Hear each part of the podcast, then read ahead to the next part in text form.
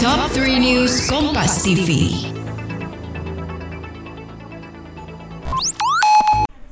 Eh, sahabat Kompas TV, waktunya kita untuk update 3 berita paling populer hari ini, Sabtu 11 Desember 2021 bersama saya Edwin Chan.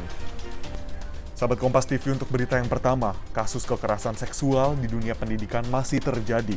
Diketahui seorang guru yang juga merupakan seorang pengasuh pesantren di Tasikmalaya dilaporkan kepada Komisi Perlindungan Anak Indonesia Kabupaten Tasikmalaya karena diduga melakukan aksi kekerasan seksual kepada sembilan santriwatinya.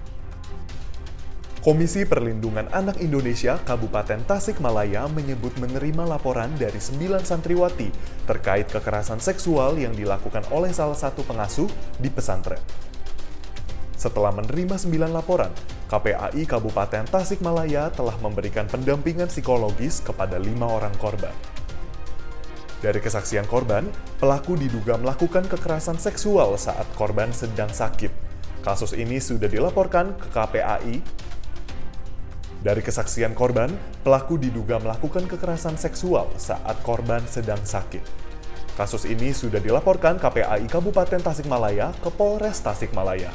Namun pelaku kekerasan seksual belum ditangkap.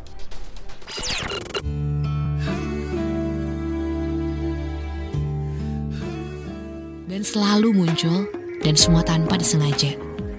Tapi satu hal, gue gak pernah cerita apa pun mengenai masalah yang ada di antara gue dan Arsya. Tapi kenapa Ben? Kenapa dia yang harus muncul di saat sekarang ini? Dengarkan CLBK ketika cinta lama bersemi kembali di podcast Drama Udara Persembahan Motion KG Radio Network by KG Media.